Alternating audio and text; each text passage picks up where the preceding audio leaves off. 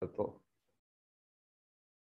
Uh, Oke, okay, welcome back guys. Welcome back to our channel. Uh, kembali lagi ya, uh, edisi spesial ini bersama co-founder dari Type Dream ya, uh, if I'm not mistaken. Maksudnya, yeah. oke. Okay. Ya, yeah, that's... Uh, ini dari ya, sekarang di Silicon Valley ya, maksudnya uh, uh, merepresentasi Indonesia lah di di US kan. Benar-benar, tinggal di sini sekarang. Exactly. Ya, uh, sebelum masuk ke inti, tak kenal kata sayang dulu ya, uh, Mbak Michelle ya. Ini uh, gimana masuk dunia kripto itu gimana awalnya awalnya? Awalnya itu di tahun 2017 akhir-akhir, waktu Bitcoin sama Ethereum pertama-pertama terkenal ya. Yes. Jadi waktu itu aku itu cobain buka trading apa trading app trading website gitu both yes. di US sama di Indo. Kalau di Indo dulu pakai Indodex. Okay. Kalau di US dulu pakai Coinbase. Nah, uh. waktu iseng-iseng buka dua-duanya, lama-lama itu sadar, wah kok harganya beda banget ya. Beda kayak 20 sampai 30 persen waktu kira-kira okay. Oktober 2017 gitu. Yeah. Nah, jadi kepikiran beli Bitcoin di US, ditransfer ke wallet oh, yang di ya? um, iya ditransfer ke wallet yang di Indodex dijual di Indonesia terus diputar lagi duitnya ya yeah. jadi arbitrage gitu sampai akhirnya awal tahun 2018 marginnya udah menipis lama kelamaan hilang terus udah nggak sentuh kripto lagi wow. sampai 2020 akhir waktu NFT mulai booming lagi. Oh gitu.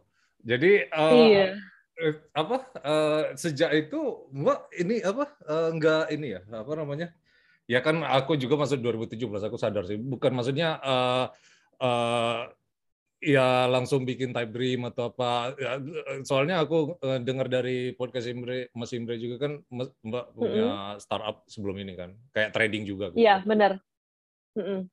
oh itu bisa dielaborate iya, dikit gak maksudnya iya bisa benar. bisa jadi abis dari 2018 udah nggak arbitrase lagi, tapi kan masih um, di dunia kripto ya. Jadi sempat yes. mau bikin bahkan sebelum yang ini kayaknya nggak pernah diskus sama podcastnya Emre, tapi kita yes. tuh sempat mau bikin lawannya Indodex karena dulu belum ada pintu, belum ada ya, crypto trading apa pun, cuma ada Indodex. Jadi kita mikirnya wah ada opportunity nih dibikin yang UI UX-nya lebih clean, lebih bagus. Siapa yeah. tahu kita juga bisa kan bukan zero sum game ya pasti dua tiga berdiri juga nggak apa-apa. Nah tapi crypto turun banget dan di circle kita kayak udah nggak ada yang main crypto lagi. Jadi ya udahlah pivot ke saham aja gitu. Jadi kita sempat bikin aplikasi trading saham jadinya bukan kripto. Oh ya. Karena itu, kan kita tipe kalau yang bikin barang ya, pingin iya, langsung lihat hasil kan. Gara-gara demandnya kurang ya. Maksud, maksudnya waktu itu iya. Uh, apa ininya apa uh, inisiatif bikin uh, yang saham tadi? Um, oh sebenarnya sebelum dari saham tuh waktu abis bikin kripto, tapi kan kita nggak lanjutin efeknya karena emang sudah nggak ada siapa-siapa ya di dunia kripto. Tapi kita itu lagi masih di sekolah dan kita magang di perusahaan trading saham di US. Oh. Nah, perusahaan ini itu hire kita satu tim berlima yes. yang bikin kripto tadi karena perusahaan saham ini mau ekspansi ke kripto. Jadi kami oh. yang disuruh bikin trading platform untuk kripto. Ya nah, macam karena Robin intern, kan? Iya. Iya, kita intern di trade di perusahaan saham ini bikinin apa versi kripto mereka. Yeah. Terus tapi kita malah terinspirasi oleh sisi sahamnya karena kan emang kripto yeah. sudah nggak ada yang main lagi waktu itu. Kita malah yeah. terinspirasi oleh sisi sahamnya, terus kita bikin um, aplikasi trading saham US untuk orang Indonesia ya si macam go trade atau, atau kayak gitu kan jadi exactly uh, kayak go trade jadi kita dulu uh, kompetitornya go trade barangnya hampir bisa dibilang sama persis Iya, GoTrade atau Robinhood tuh yeah. tapi uh, bukan custodial kan. Maksudnya kita nggak pegang uh, keys kita sendiri. Jadi itu cuman representasi kayak oracle-nya ke price itulah. Jadi uh, mungkin itu ya ke apa uh, Mbak dulu ya. Maksudnya uh, startupnya gitu ya. Tapi uh, mungkin yeah, di tengah jalan ide uh, uh, Iya, jadi dulu ide saya dulu kayak gitu sih, mirip GoTrade, bukan custodial. Iya. Yeah.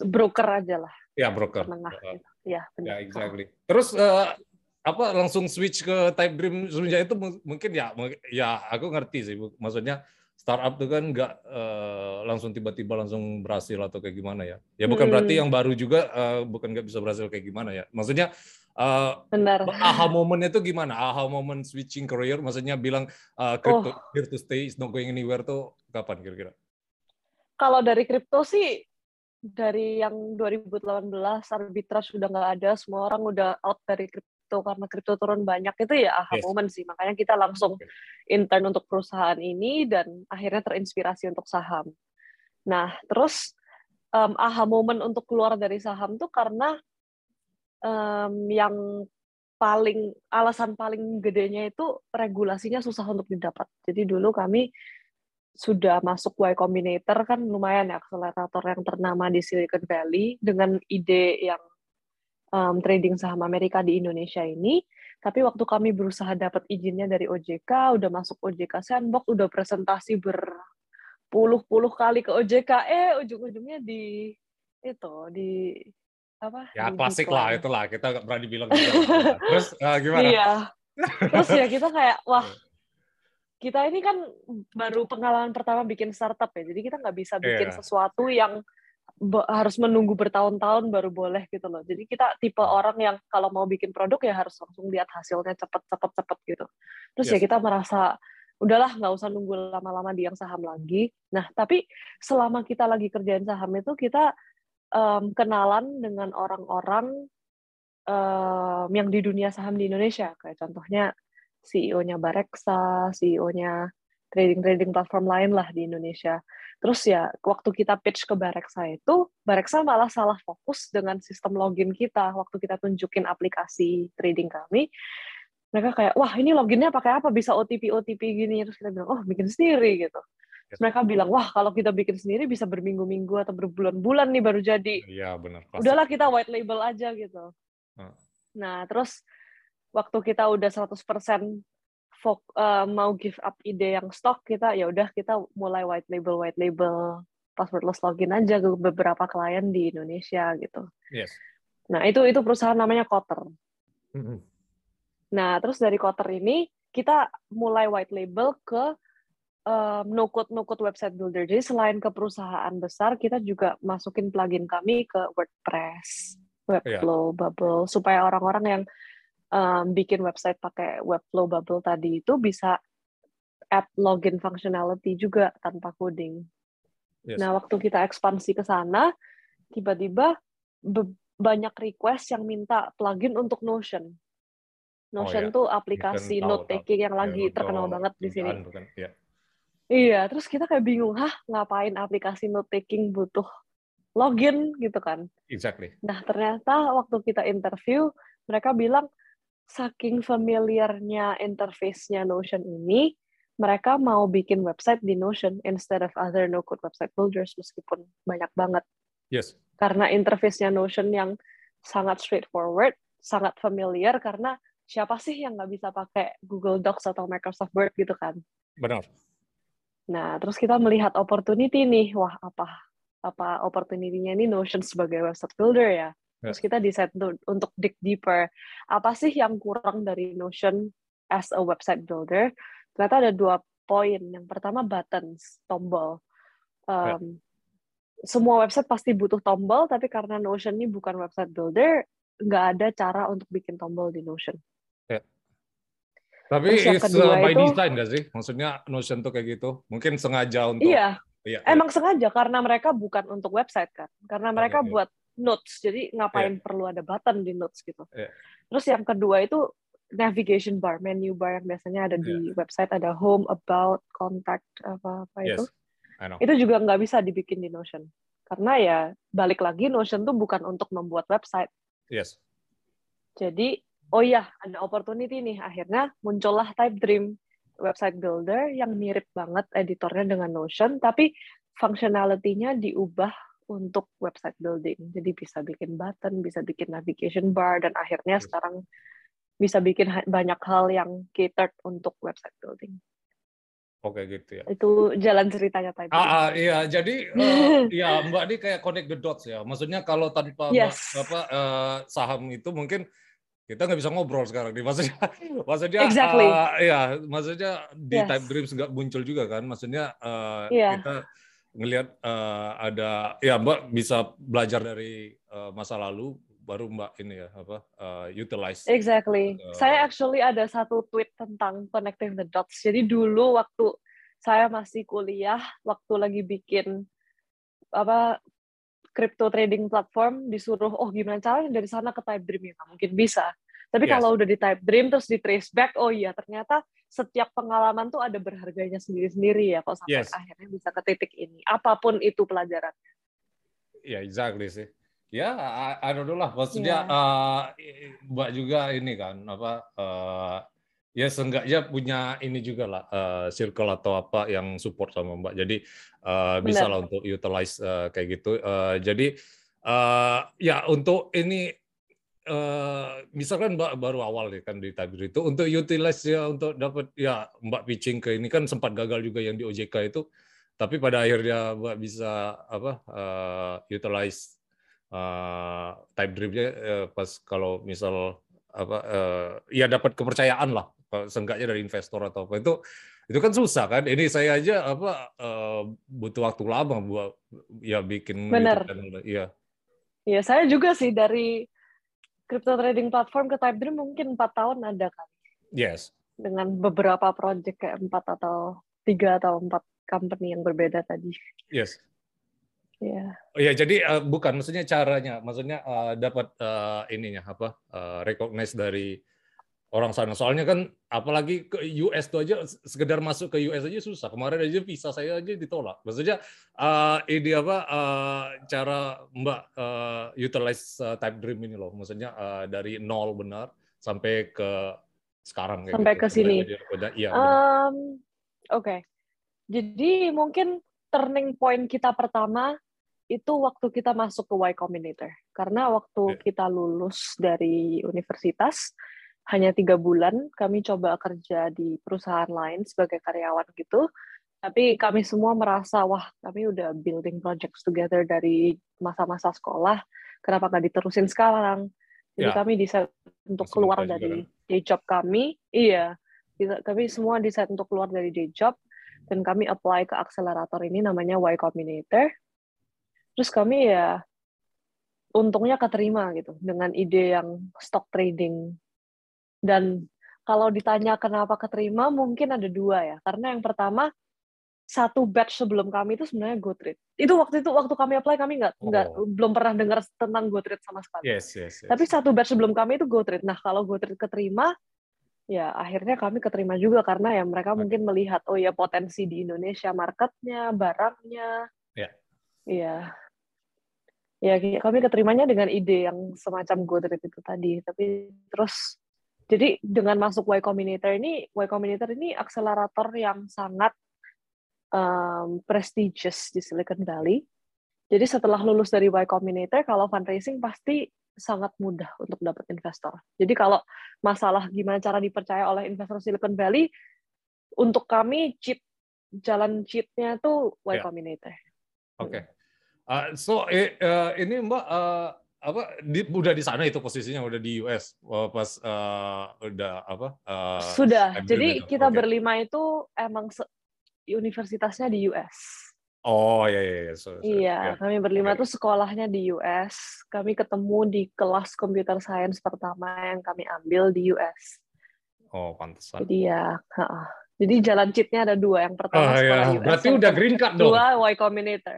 Belum ya? Belum. Ini lagi apply green card. Oh, oke. Okay. Ya. Ya, ya itu proses lah itu. Itu bentar lah. Tapi iya. kalau misal ya berarti kalau udah green card kan uh, Mbak udah ini sana kan. Maksudnya warga sana. Jadi nggak balik lagi. Iya, iya. Yep. Ya, yeah, exactly. Ya, yeah, so that's uh, ini ya guys. Maksudnya uh, perjalanan dari uh, Mbak Wisel sampai uh, Type Dream dan ya mungkin aku bakal support ntar kalau di link deskripsi kayak gitu ya. Nah terus uh, apa aku ya ini ada soal uh, lain nih Mbak. Ya Mbak kemarin uh, podcast sama Mas Imre kan. Mungkin bisa Yes. dielaborate dikit lah. Maksudnya uh, summary dari ya mungkin hampir sama kayak gini ya summary-nya. ya. Cuman ada beberapa per- pertanyaan yang aku bisa ambil dari sini yang mengenai Web3 terutama. Ya aku Iya. ini kan ya Mbak Mbak tahu sendiri kan kalau di kripto tuh ada maksimalis maksi kayak gitu kan. Maksi itu ya intinya yang kayak pengkultusan lah. Maksudnya selain yang dia anggap tuh dianggap scam kayak gitu. Contoh kayak Bitcoin Maxi, selain Bitcoin scam kayak gitu. Terus atau Ethereum Maxi, selain oke, oke. Ethereum scam. Nah kayak gitu Iya. kan. Nah jadi aku cuma pengen ini aja nih. Maksudnya uh, elaborate mbak aja. Maksudnya uh, kemarin kan dibilang pas uh, di Web3 yang di podcast Mas Imre itu dibilang Mm-mm.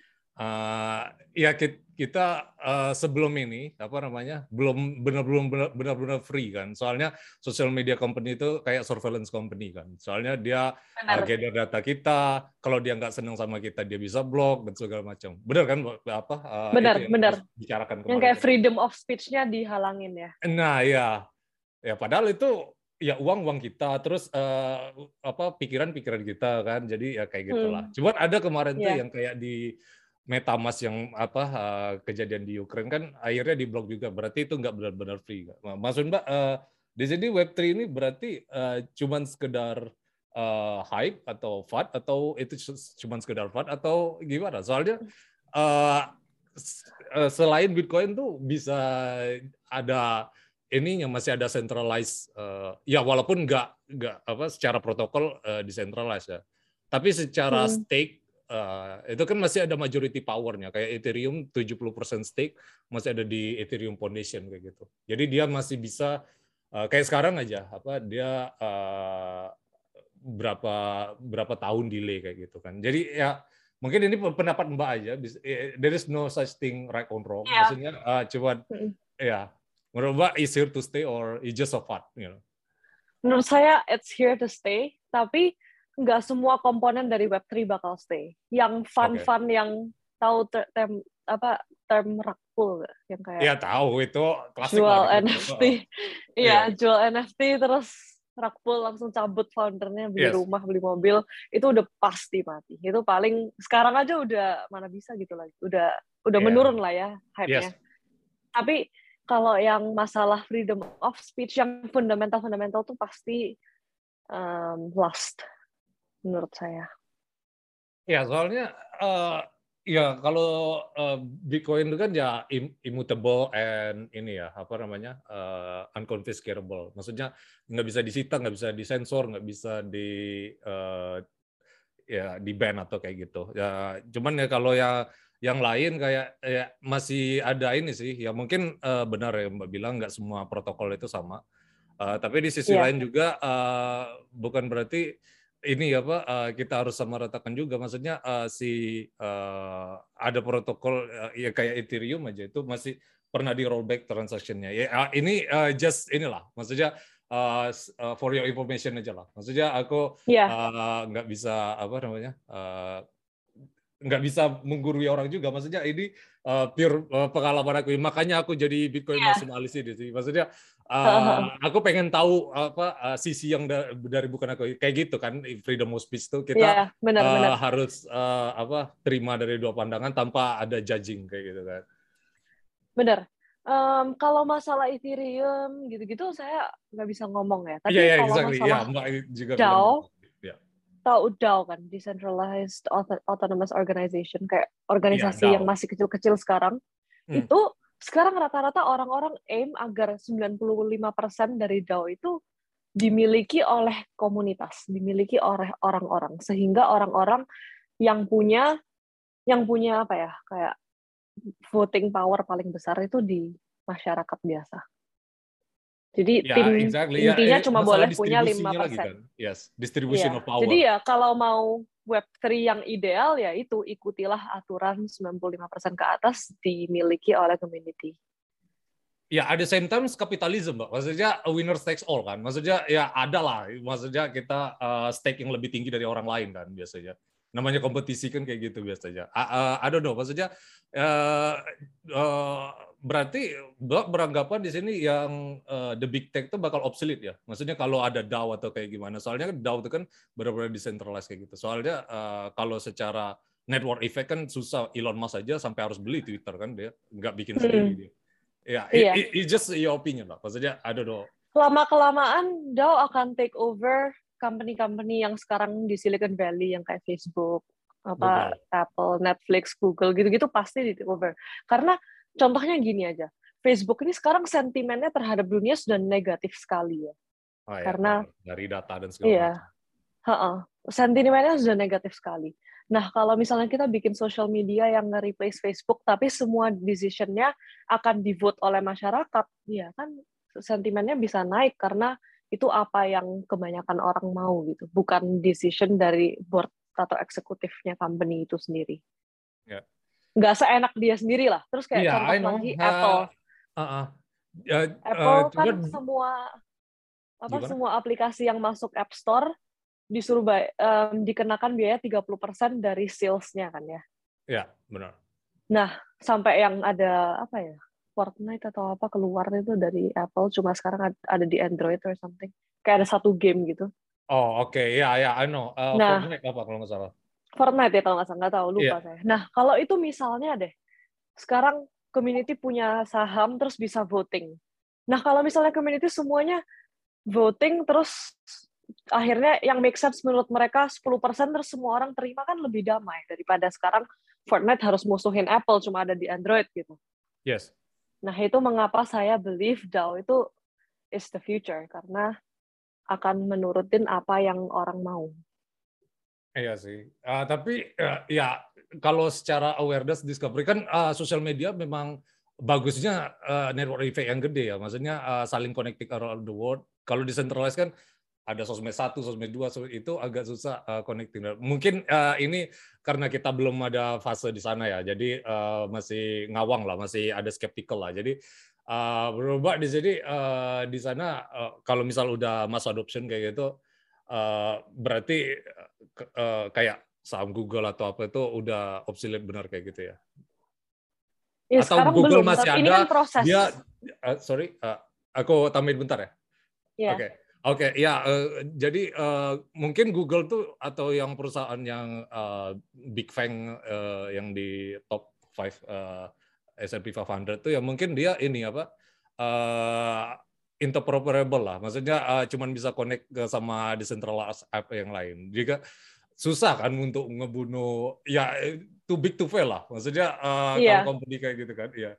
Iya, benar ya jangan jangan ngomongin Google tapi ngomongin web yes. company lain yang masih tengah-tengah itu ya yeah, Facebook hilang. lah kayak ya kayak gitulah yeah, the big fang lah ya, mungkin yeah. hilang ya ya yes.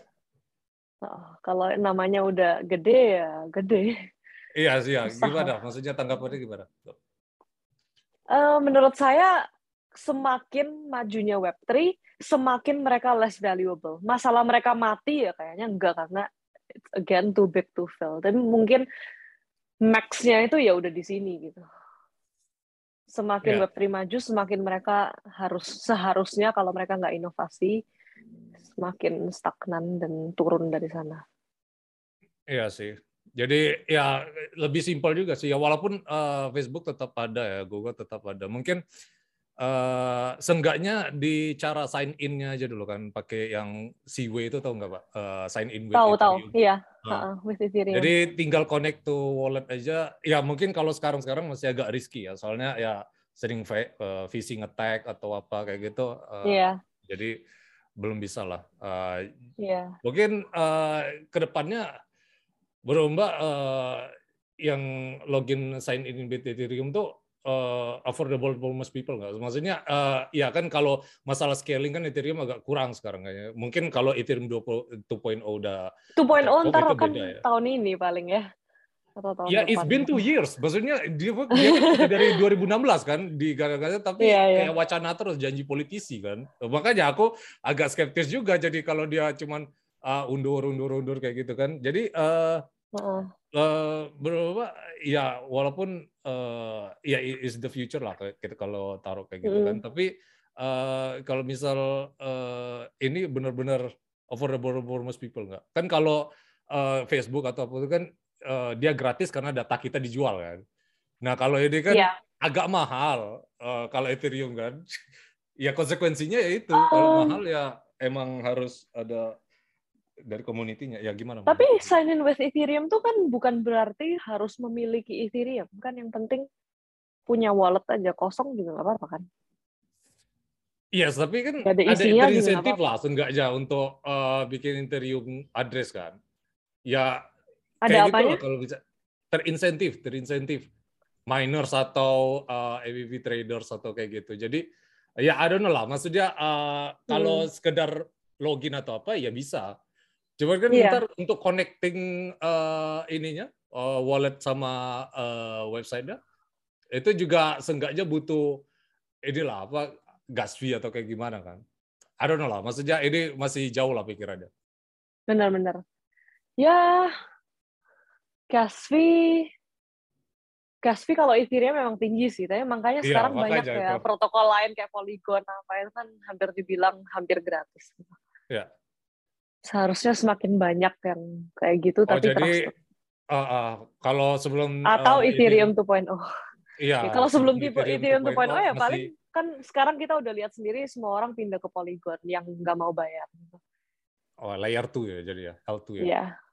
Ya untuk sekarang-sekarang ya mungkin masih bisa lah L2. Yeah. Ya selagi yeah. masih belum masa adoption masih bisa lah. Jadi mm -hmm. uh, seperti itu ya guys uh, tentang uh, Web3. Uh, terus Mbak tadi nyebutin yes. DAO juga. Mbak sendiri yeah. udah ada DAO juga kan? Maksudnya Orange DAO kalau nggak salah. Itu bisa di yeah. spoil dikit. Saya member ya, di iya. Orange DAO. Ya, what is it? Maksudnya itu apa? Maksudnya uh, Orange DAO itu uh, idenya apa gitu? Orange DAO itu komunitas founder Y Combinator yang membuat produk di Web3. Y Combinator akselerator yang saya sebut tadi. Yes. Ya, jadi komunitas Y Combinator founder yang bergerak di bidang Web3 sekarang, yang membuat produk-produk Web3. Oh ya, jadi itu eh, sama ininya, stake-nya sama semua, Mbak. Uh, namanya decentralized tadi kan. Maksudnya stake uh, stakeholder-nya uh, di DAO itu sama kan? Nggak ada yang uh, kayak taking charge kayak gitu kan? Um, tetap ada majority shareholder yang kayak apanya ya? Board, board member. Iya, ada ada board membernya yang um, share-nya paling banyak sendiri gitu. Tapi kan bukan satu orang, masih kayak tiga orang. Jadi mereka bisa counter each other kalau sampai ada keputusan apa-apa. Tapi yang kayak Mbak voting powernya sama nggak sama mereka? Atau beda? Ya kan namanya beda beda ya, kan dari okay. dari kita punya berapa banyak token kan. Oke. Okay, ya. Semakin dan cara earn token ya kita kontribusi ke daunnya. Kayak misalnya daunnya ada task apa kita ikut kontribusi nanti dibayar pakai token semakin banyak token yang kita punya dari Orange DAO, semakin besar voting power kita. Ya, yeah, exactly. So, uh, ya mungkin itu ya. Bagi ya ini untuk noob aja mungkin. Yang uh, Mbak udah jelasin kan DAO itu tadi kan. Maksudnya uh, yeah. DAO uh, kalau Mbak disuruh, maksudnya uh, dijelasin sama anak SD lah, seenggaknya lah. DAO itu apa gitu? DAO itu organisasi yes. di mana di mana membernya mempunyai wewenang untuk vote. Vote itu yes. apa ya bahasa Indonesia-nya? Ya, memiliki. Ya, Jadi karena kita betul. memiliki um, saham dari organisasi itu, saham kami tadi ini bisa dipakai untuk kekuatan vote kami. Oh, jadi pure decentralized kayak gitu ya. Jadi benar yeah. Mbak, uh, kalau benar-benar decentralized, uh, berarti untuk bikin company juga nggak bisa kan? Company kan ya kita pegang usaha aja, terus ada terinsentif untuk uh, ya bikin expand uh, perusahaan. Jadi menurut Mbak perusahaan di masa depan di era DAO ini seperti apa? Apakah benar-benar yang the big tech atau semua perusahaan yang gede-gede itu udah bakal ini apa obsolete atau mereka bakal create their own DAO? Menurut saya pasti mereka berinovasi untuk mengikuti zaman agar mereka tetap relevan dengan cara masuk ke web membuat DAO. Oke. Okay. Ya, yang nggak mengikuti zaman ya mati gitu. Kan banyak ya contoh dulu perusahaan dari web 1 ke web 2 yang nggak mau ikut web 2 ya sekarang nggak relevan. Sama nanti company-company web 2 yang nggak mau ikut ke web 3 juga akan tidak relevan di 10-20 tahun mendatang. Ya benar sih. Ya jadi uh, ya kita ini sendiri kan, maksudnya kalau Web3 itu kan ya bukan masalah login juga sih. Uh, data privasi juga kita pegang, terus nggak mm -hmm. apa uh, dimiliki dari company itu.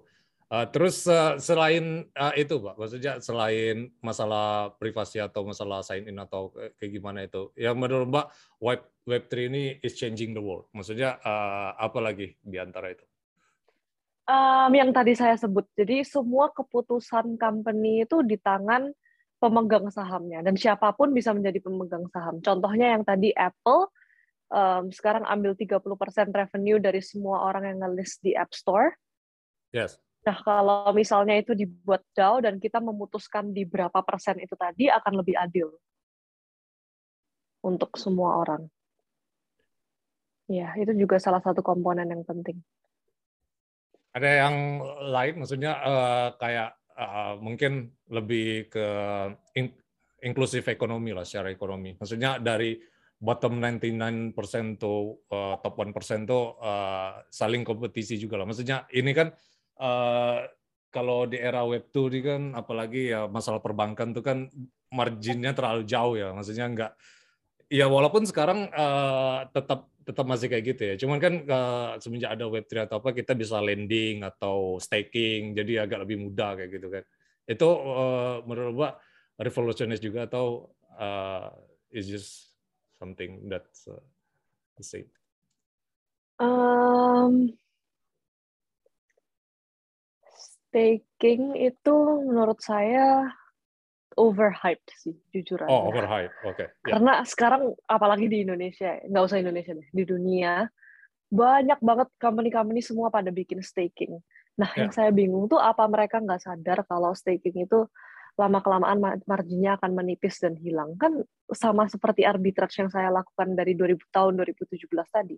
Yes. Semakin banyak orang yang mengeksploitasi itu, semakin marginnya menutup menutup menutup dan hilang. Jadi ya saya bingung sih staking yang kayak saya bingung dengan betapa banyaknya company staking dan yang kedua bisa menjanjikan persentase segitu tingginya yeah. dan gimana ya kayak messagingnya tuh lumayan membohongi masyarakat biasa yang nggak tahu ya, bahwa iya bahwa persentasenya tuh pasti turun. Kasihan masyarakat yang nggak ngerti ini loh masalah karena yang bikin udah pasti tahu kalau ya. marginnya lama-lama menipis dan hilang. Cuma yang ditarget oleh marketing ini yang kasihan. Iya sih. Makanya podcast-podcast kayak gini kalau bisa kita membantu. Ah, Iya benar. Uh, Mbak pernah dengar quote ini gak? Apa ya? If the yield is too high, uh, have you considered you might be the yield? Jadi ya kita yang dijual kalau misalnya. Iya iya benar-benar. Benar, itu sama semua iya, konsepnya 20%, seperti 90 persen itu iya. dari mana ya kan? Itu exactly. aku gak ngerti. Mungkin Kayak, ada di dunia ya. yang namanya gratis gitu. Iya kan? Iya, there's no Kalau gratis tuh harus langsung was-was. Yeah. Kalau gratis tuh kita harus langsung was-was. Kayak contohnya Facebook dulu. Wah, gratis. Siapa usernya? Ya kita. Maksudnya siapa yeah. yang bikin duitnya kita dari marketing ads kita dari di target ad, tadi yeah. kan. Nah ya, hati-hatilah. Kayak jangan terlalu kemakan omongan marketing, terus jangan nggak di research lebih lanjut gitu bahaya. Ya, yeah, exactly sih. Soalnya uh, ya yang baru-baru ini yang lagi hype yang dia jadikan Bitcoin. Aku nggak pengen nyebut koinnya juga sih. Maksudnya uh, yeah, yeah. yang jadi Bitcoin uh. jadi reserve ya kayak gitu kan. Dia yeah, nawarin yeah. APY uh, 20 sampai lima puluh persen. Uh, iya. Ya, maybe awal-awal bisa ya. Cuman kalau iya, kalau iya. Gue, berapa kalau lama? Astaga, baik. Uh, I don't know. Mungkin uh. Uh, kecuali kalau dia centralized exchange gede, Uh, terus ada uh, agregatornya kayak uh, Binance atau FTX atau apa dia ada produk lain yang bisa nutupin dia ada benar, selisih benar. harga itu masih bisa lah dia cover. Yeah. Cuman kalau yang, yang saya... yang produknya cuman yield yang nggak ada sama sekali makanya. itu agak ngeri sih. Maksudnya, nah, yang saya makanya yang tadi saya highlight itu betapa banyaknya perusahaan yang cuma bergerak di bidang staking dan baru semua. Baru kan artinya ya mereka nggak ada produk-produk lain ya. Jadi ya. Ya kalau ada produk lain masih bisa lah di cover lah. Soalnya ya iya. kayak gitu dia cara make money kan dari transaksi iya, iya. segala macam. Benar-benar. Uh, Kalau cuman itu hati-hati ya guys uh, benar, benar. Uh, lesson lah dari hati-hati yang udah arbitrage sudah lama ya dari OG ya yes. nggak ada namanya uang gratis jadi kalau merasa too good to be true tolong di research lebih lanjut lah tanya-tanya orang-orang yang memang sudah di dunia kripto ini tuh artinya apa dapat 20-30% gratis tuh apa dan berapa lama gitu kan ya ya benar to be true, there's no such thing as uh, as freelance, so kayak kayak gitulah. Jadi. Yes. yes. Uh, terus Mbak ini ini juga ya apa uh, Type Dream ini masuk ke Forbes under uh, 30 ya. Maksudnya uh, ya kan kemarin aku yes. apa so in the ya itu maksudnya uh, mungkin uh, bagi yang nggak tahu Forbes under 30 itu apa. Terus Web3 ini uh, potensial nggak di Forbes under 30 soalnya uh, udah banyak startup juga kan yang uh, potensial dong. Iya. Okay, yeah. Forbes Under 30 nggak mungkin menutup dikit, ya. kemungkinan ya. ke sebuah industri. Jadi Forbes Under 30 itu kumpulan 30 um, entrepreneur yang paling sukses di industri itu. Jadi Forbes Under 30 itu banyak banyak industri ya, ada kategori musik, kategori teknologi, kategori lain-lain. Di satu kategori mereka akan pilih 30 orang setiap tahun. Jadi ya Web3 kan mungkin masuk ke information technology ya IT. Kalau misalnya company itu besar ya bakal masuk tahun depan, tahun depannya lagi, tahun depannya lagi. Gitu. Jadi hmm, uh, harus force under itu ya kayak uh, valuation dari uh, company yang udah diakui di Forbes kan maksudnya. Misal berapa um, hits multi million dollar atau apa kayak gitu kan. Kalau yang under 30 setahu saya ya nggak gitu dilihat uangnya valuation itself. ya oh, oke okay. nggak nggak terlalu dilihat valuation atau funding lebih ke arah popularity-nya kayak namanya di dunia industrinya gitu kalau yang Forbes yang emang orang tua-tua tuh mungkin beneran dari net worth iya, ya kalau yang under 30 tahu saya sih apa yang lagi booming gitu siapa yang lagi populer di dunia IT iya sih ya tapi setahu saya ya Ah, iya, iya, iya, benar-benar. Uh, uh. Karena bahkan di tagline-nya mereka juga nggak sebut net worth atau valuation sih. Mereka cuma sebutnya brightest young entrepreneur okay. gitu. Yeah. Oke okay, sih. Iya, mungkin ya ya mungkin ya itu ya dia dibilang under 30 ya. Soalnya ya yeah. lagi hype biar bisa orang apa uh, invest atau kayak gimana. Terus uh, ya itulah soal-soal tentang uh, Forbes under 30 kayak gitu ya, Mbak. Ya, Nah ya terus satu lagi ini banyak juga yang uh, ya Mbak Di kan uh, ya di sana da, udah dapat insentif dari visi berarti kan Mbak diinvest sama visi atau kayak gimana kan? Iya iya. Uh, kayak Sequoia atau apa kayak gitu kan. Uh, jadi ya. uh, visi sendiri di kripto ini uh, ini nggak ber, uh, bertolak belakang dari visi kripto sendiri nggak? Soalnya uh, di kripto itu kan decentralized. Sedangkan visi itu menjual kata decentralized untuk uh, bikin dia centralized, uh, dia mencaplok beberapa beberapa startup. Jadi dia tetap uh, punya uh, andil lah quote unquote dalam uh, ini. Walaupun secara protokol centralized lah, tapi politically dia uh, secara protokol decentralized, tapi politically centralized. Jadi menurut Mbak jadi gimana? Kita uh, nah, benar berseberangan sama visi atau not? Maksudnya enggak? Mm -hmm. Yang saya tahu dari dunia Web3 ya, visi-visi ini semakin tidak ada power untuk masuk ke untuk invest di perusahaan-perusahaan Web3. Beda dengan Web2, dulu kan company-nya yang ngemis minta funding ke VC ya. Yes. Nah, tapi kalau di dunia Web3 yang saya lihat terutama di Silicon Valley ini, visinya yang ngemis untuk dapat saham di perusahaan Web3. Karena perusahaan Web3 ini punya banyak sekali cara untuk mendapatkan funding untuk menjalankan bisnisnya. Salah satu contohnya dengan token drop ya kayak mereka bikin token terus disuruh komunitas aja yang beli siapa pun di Twitter yang beli token. Sedangkan kalau company web 2 harus fundraising dari VC. Nah, jadi bedanya dengan web 3 ini visinya yang malah ngemis untuk dapat alokasi di company-company web 3. Nah, karena mereka ngemis-ngemis ya mereka nggak dapat mayoritas share, jadi mereka ya cuma shareholder biasa, bukan sampai majority shareholder yang bisa ganti um, yang yang bisa bikin impact di sebuah company yang sampai oh ya ada decision ini bisa ngalahin decisionnya community nggak sampai kayak gitu. Iya benar sih. Ya hampir sama lah kalau ya ada pros and cons lah kalau visi kan. Makanya kayak kalau Bitcoin maksimalis tuh uh, nggak ini sama visi soalnya uh, ya mereka tuh ya ujung-ujungnya uh, mereka yang kontrol code on kontrol ya uh, secara yeah. protokol dia nggak bisa kontrol tapi secara apa uh, mungkin dia uh, handle berapa project atau startup makanya uh, apa uh, yang lain tuh kan butuh tim marketing semua kalau Bitcoin kan nggak perlu iya. marketing yeah. juga udah survive kayak gitu kan jadi yeah. uh, ya there's uh, such a thing lah maksudnya about VC kayak yeah. gitu benar-benar ya makanya yang saya tahu visi ini mulai less and less powerful di dunia Web3. Karena ya Web3 founders sudah punya cara lain untuk mendapatkan capital, untuk mendapatkan modal untuk mulai bisnis. Iya, DAO dan NFT itu termasuk uh, fundraising juga kan? Maksudnya uh, nggak melulu terhadap visi jadi ya kan? Jadi uh, token uh, ada, dan NFT ya, iya. Yes, exactly.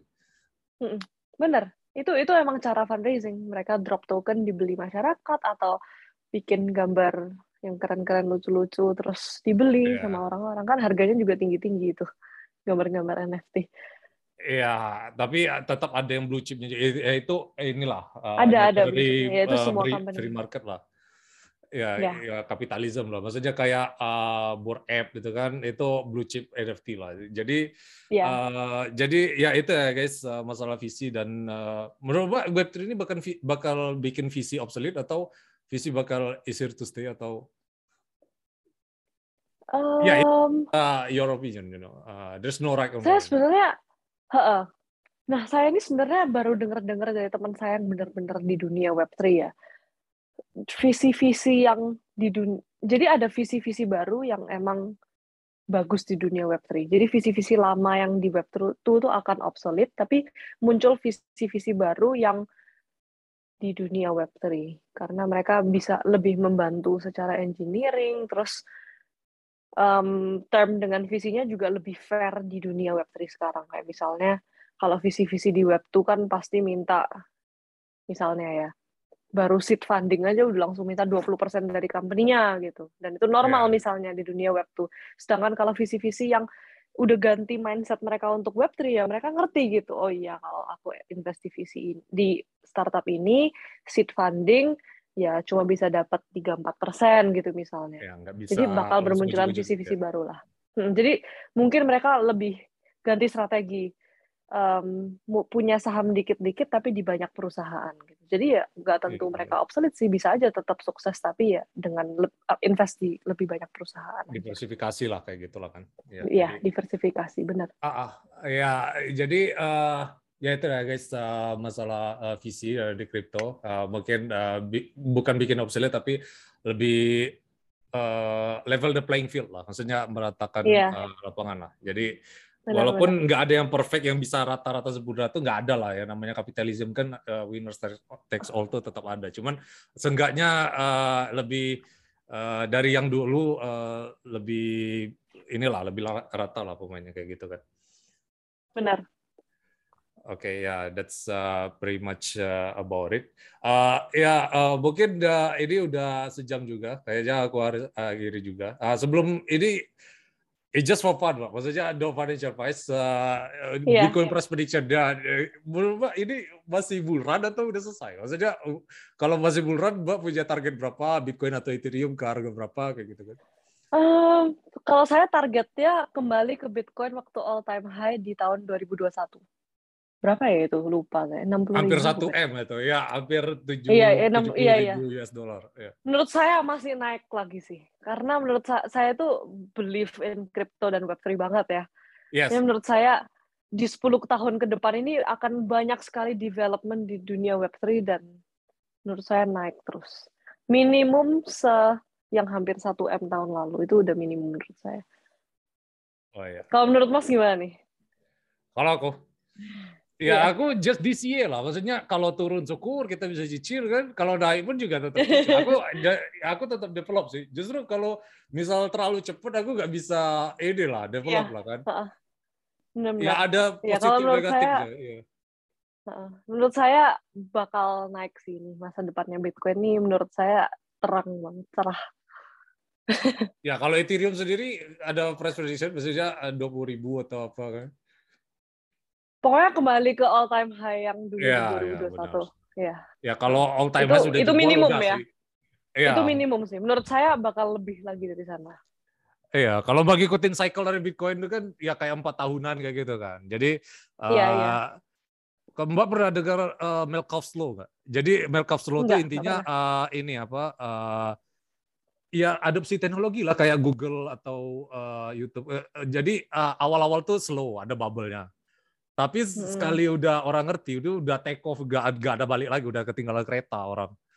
Jadi kayak Google di awal-awal kan pas uh, stock market uh, crash uh, tahun 2000 tahu kan yang dot com bubble? Tahu. 2000 iya. Nah, iya, Amazon juga kan kena impact. Jadi uh, di sana tuh benar-benar yang blue chip uh, di uh, benar-benar uh, apa namanya? Uh, tahu di sana. Soalnya uh, banyak juga yang useless company uh, yang nggak nggak ada utility tapi dia uh, apa uh, stoknya valuasinya tinggi jadi sama lah kayak sekarang kan banyak yang project abal-abal tapi uh, nggak masuk di akal nilainya kan. Jadi yeah. ya benar sih.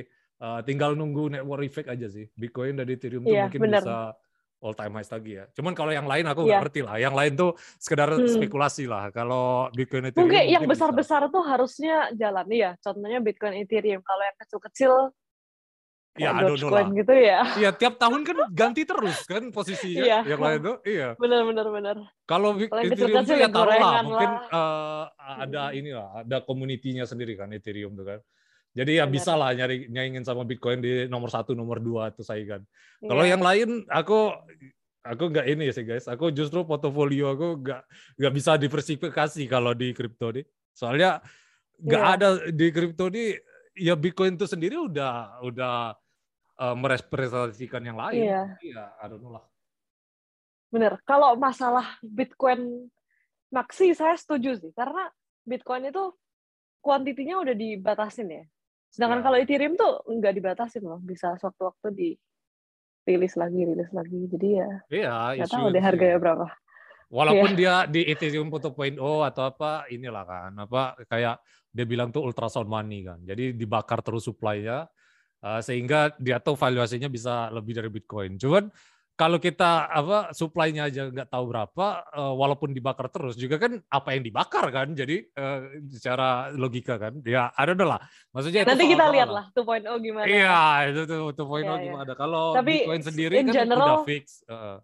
Iya, yeah. but in general, if I were to give like what I think, Bitcoin, Ethereum ada ada masa depan pasti. Ya, kalau yang lain non financial advice ya guys. Kalau kalian mau uh, sedang-sedang happy-happy taruh dikit-dikit aja ya gak apa-apa lah untuk dapat Bitcoin Ethereum. Kalau yang uh, ikut mainan. yes. Di Indo kan kayak gitu, makanya aku bikin yeah. podcast kayak gini ya. Walaupun nggak terlalu banyak dilihat orang juga kayak gitu kan. Cuman uh, ya intinya aku nggak pengen ini sih apa uh, orang ngerasain apa yang aku rasain 2017 kan banyak yang bocor kan nggak ngerti kan apa itu kan ya tapi iya, kalau iya. oh saya ikut kena itu Iya sama. Beli Bitcoin makanya. banyak turunnya kayak dalam berapa jam doang kan? Ya exactly. Ya mungkin itulah soal-soal. Ya. Uh, mungkin uh, that's it uh, for today. Thank you Mbak. Uh, support terus ya Type Dream. Uh, Mbak Michelle mengarungkan thank you, thank you. di di luar negeri kayak gitu ya. Uh, Mbak yeah. dari ada sih dari uh, Jakarta. Dari Surabaya. Surabaya. Oh ya Surabaya. Surabaya. Ada juga sih. Actionnya kelihatan kan ya? Uh, mungkin udah action US sih, nggak terlalu sih. Gak oh iya, tiap kali saya podcast sama orang Indo kayak masih, oh ya medoknya masih ada ya, ya emang nggak bisa hilang. Iya, ya wajar nggak apa-apa sih, nggak ada urusan. Iya nggak apa-apa, nggak apa-apa. Uh, kan ya. Uh, orang ini kan representasi ya, Surabaya. Exactly. Ya support terus ya guys. Uh, oh ya selamat eh, Hari Kartini juga. Ini kan mau Hari, Kartini. Ntar aku bakal yeah. uh, share di Lens Crispy tentang uh, Type Dream atau uh, profil Mbak kayak gitu ya. And okay. leave a like and subscribe to our channel ya guys.